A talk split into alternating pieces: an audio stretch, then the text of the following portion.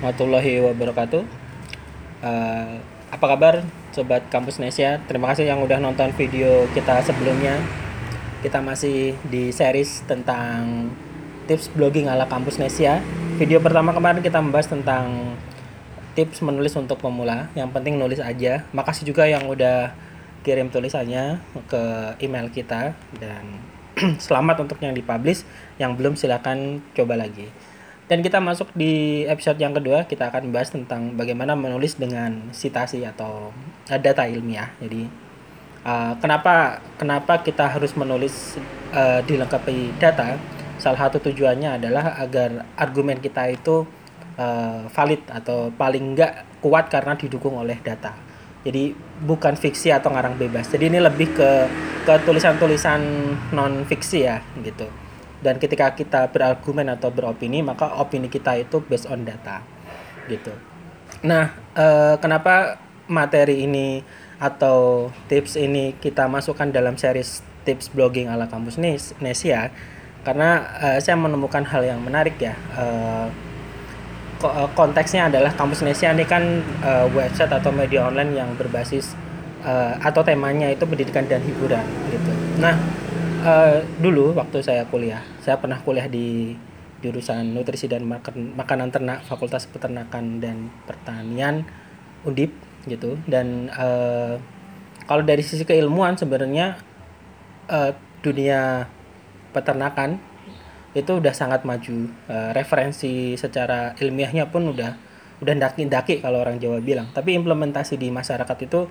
uh, gapnya itu jauh banget gitu uh, uh, menurut saya pribadi salah satunya adalah uh, karena faktor uh, gap ilmu keilmuan tadi dan bagaimana cara mengkomunikasikan antara dunia akademisi di kampus dengan uh, apa pelaksana implementasi di masyarakatnya uh, pet, pet, peternak dan petani yang rata-rata rata-rata ya ya turun temurun turun turun temurun dan learning by doing itu uh, agak agak jauh gitu Nah, ya suara motor lewat.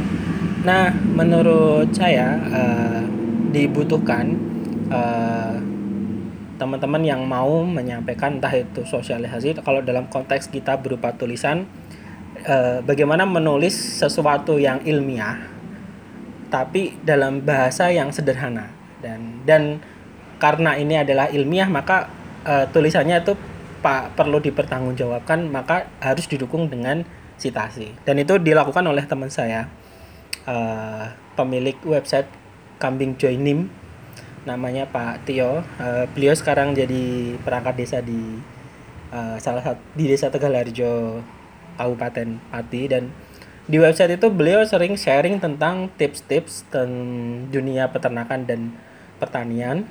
Dan yang menarik adalah artikel beliau itu based on data ilmiah entah itu skripsi, disertasi atau yang lain atau jurnal gitu.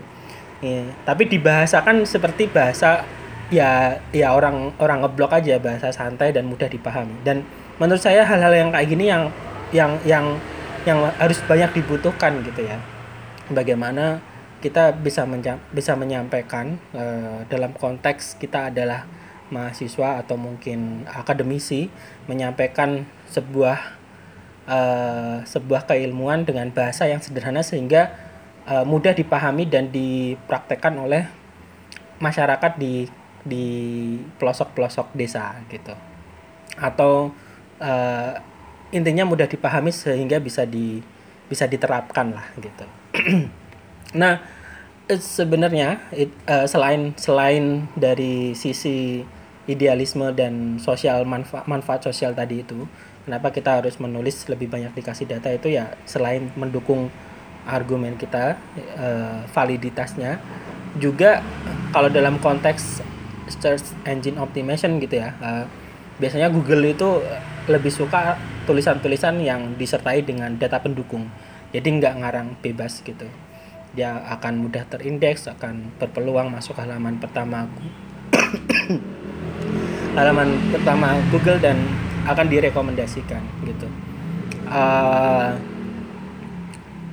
sekarang trennya menulis artikel itu panjang-panjang ya dan dan sebenarnya malah mirip kayak apa ya mirip kayak makalah sebenarnya ya uh, ada daftar isinya pendahuluannya bab-babnya dan itu ditulis gitu uh, kalau boleh menebak sebenarnya kalau menurut saya sih ini ini niru gaya gaya penulisannya Wikipedia gitu. Kalau kita uh, cari suatu tema kan di Wikipedia itu dia akan akan disajikan dalam bentuk komplit gitu ya dari mulai pendahuluannya nanti poin-poinnya apa ada daftar isinya yang kalau diklik dia akan ngarah ke sana. Dan mayoritas artikel bahas apa pun itu sekarang itu seperti itu.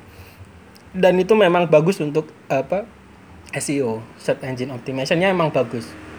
Karena struktur penulisannya itu ya ya malah mirip makalah gitu. Tapi kalau saya pribadi sebenarnya kurang kurang suka kurang suka. Karena ya apa ya apalagi kalau kita ngomong blog gitu ya ya bahasanya harusnya harusnya tidak seserius itu juga gitu. Strukturnya juga nggak nggak harus se sekaya makalah itu ya. Atau ini pengalaman mungkin ya ini ini juga bukan saya sok tahu tapi ini sekedar buat masukan juga. Uh, mungkin akhir tahun lalu atau apa gitu uh, banyak kiriman uh, artikel artikel dari teman-teman mahasiswa yang mendapat tugas untuk mempublikasikan tulisannya di media online. Nah, yang yang apa namanya yang saya perlu garis bawahi adalah teman-teman ini mungkin nggak diajari bagaimana standar penulisan uh, opini atau artikel untuk dipublish di media online bukan jurnal ya atau apa atau atau repository uh, perpustakaan ya. Jadi yang mereka kirimkan itu adalah makalah. Masih ada cover halamannya kemudian penulisnya siapa daftar isi dan apa kata pengantar, ucapan terima kasih, uh, saran penutup itu dikirim semua dan minta dipublish uh, jadi artikel di media online.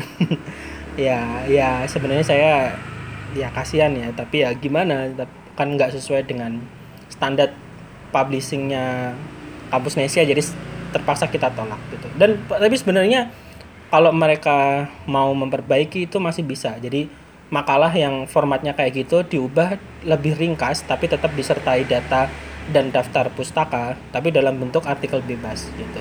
Sebenarnya itu yang kita inginkan. Gaya-gaya penulisan ilmiah santai yang seperti itu yang populer gitu yang kita inginkan untuk konsumsi media online gitu ya. Bukan yang makalah terus dipublish begitu aja.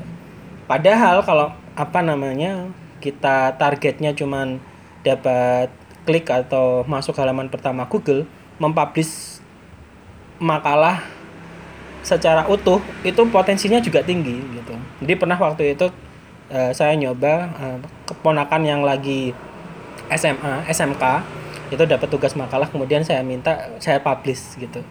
Dan itu bagus uh, maksudnya masuk mas, kata kuncinya nyantol dan sering dapat uh, klik dan view yang tinggi. Kalau teman-teman mungkin uh, nyari di di Google makalah Sumpah Pemuda itu nanti bakal muncul. Tapi ya untuk konteks artikel ilmiah populer kan nggak nggak kayak gitu. Apalagi ini uh, teman-teman yang uh, levelnya udah mahasiswa. Harusnya harusnya secara gaya kepenulisan bisa disesuaikan.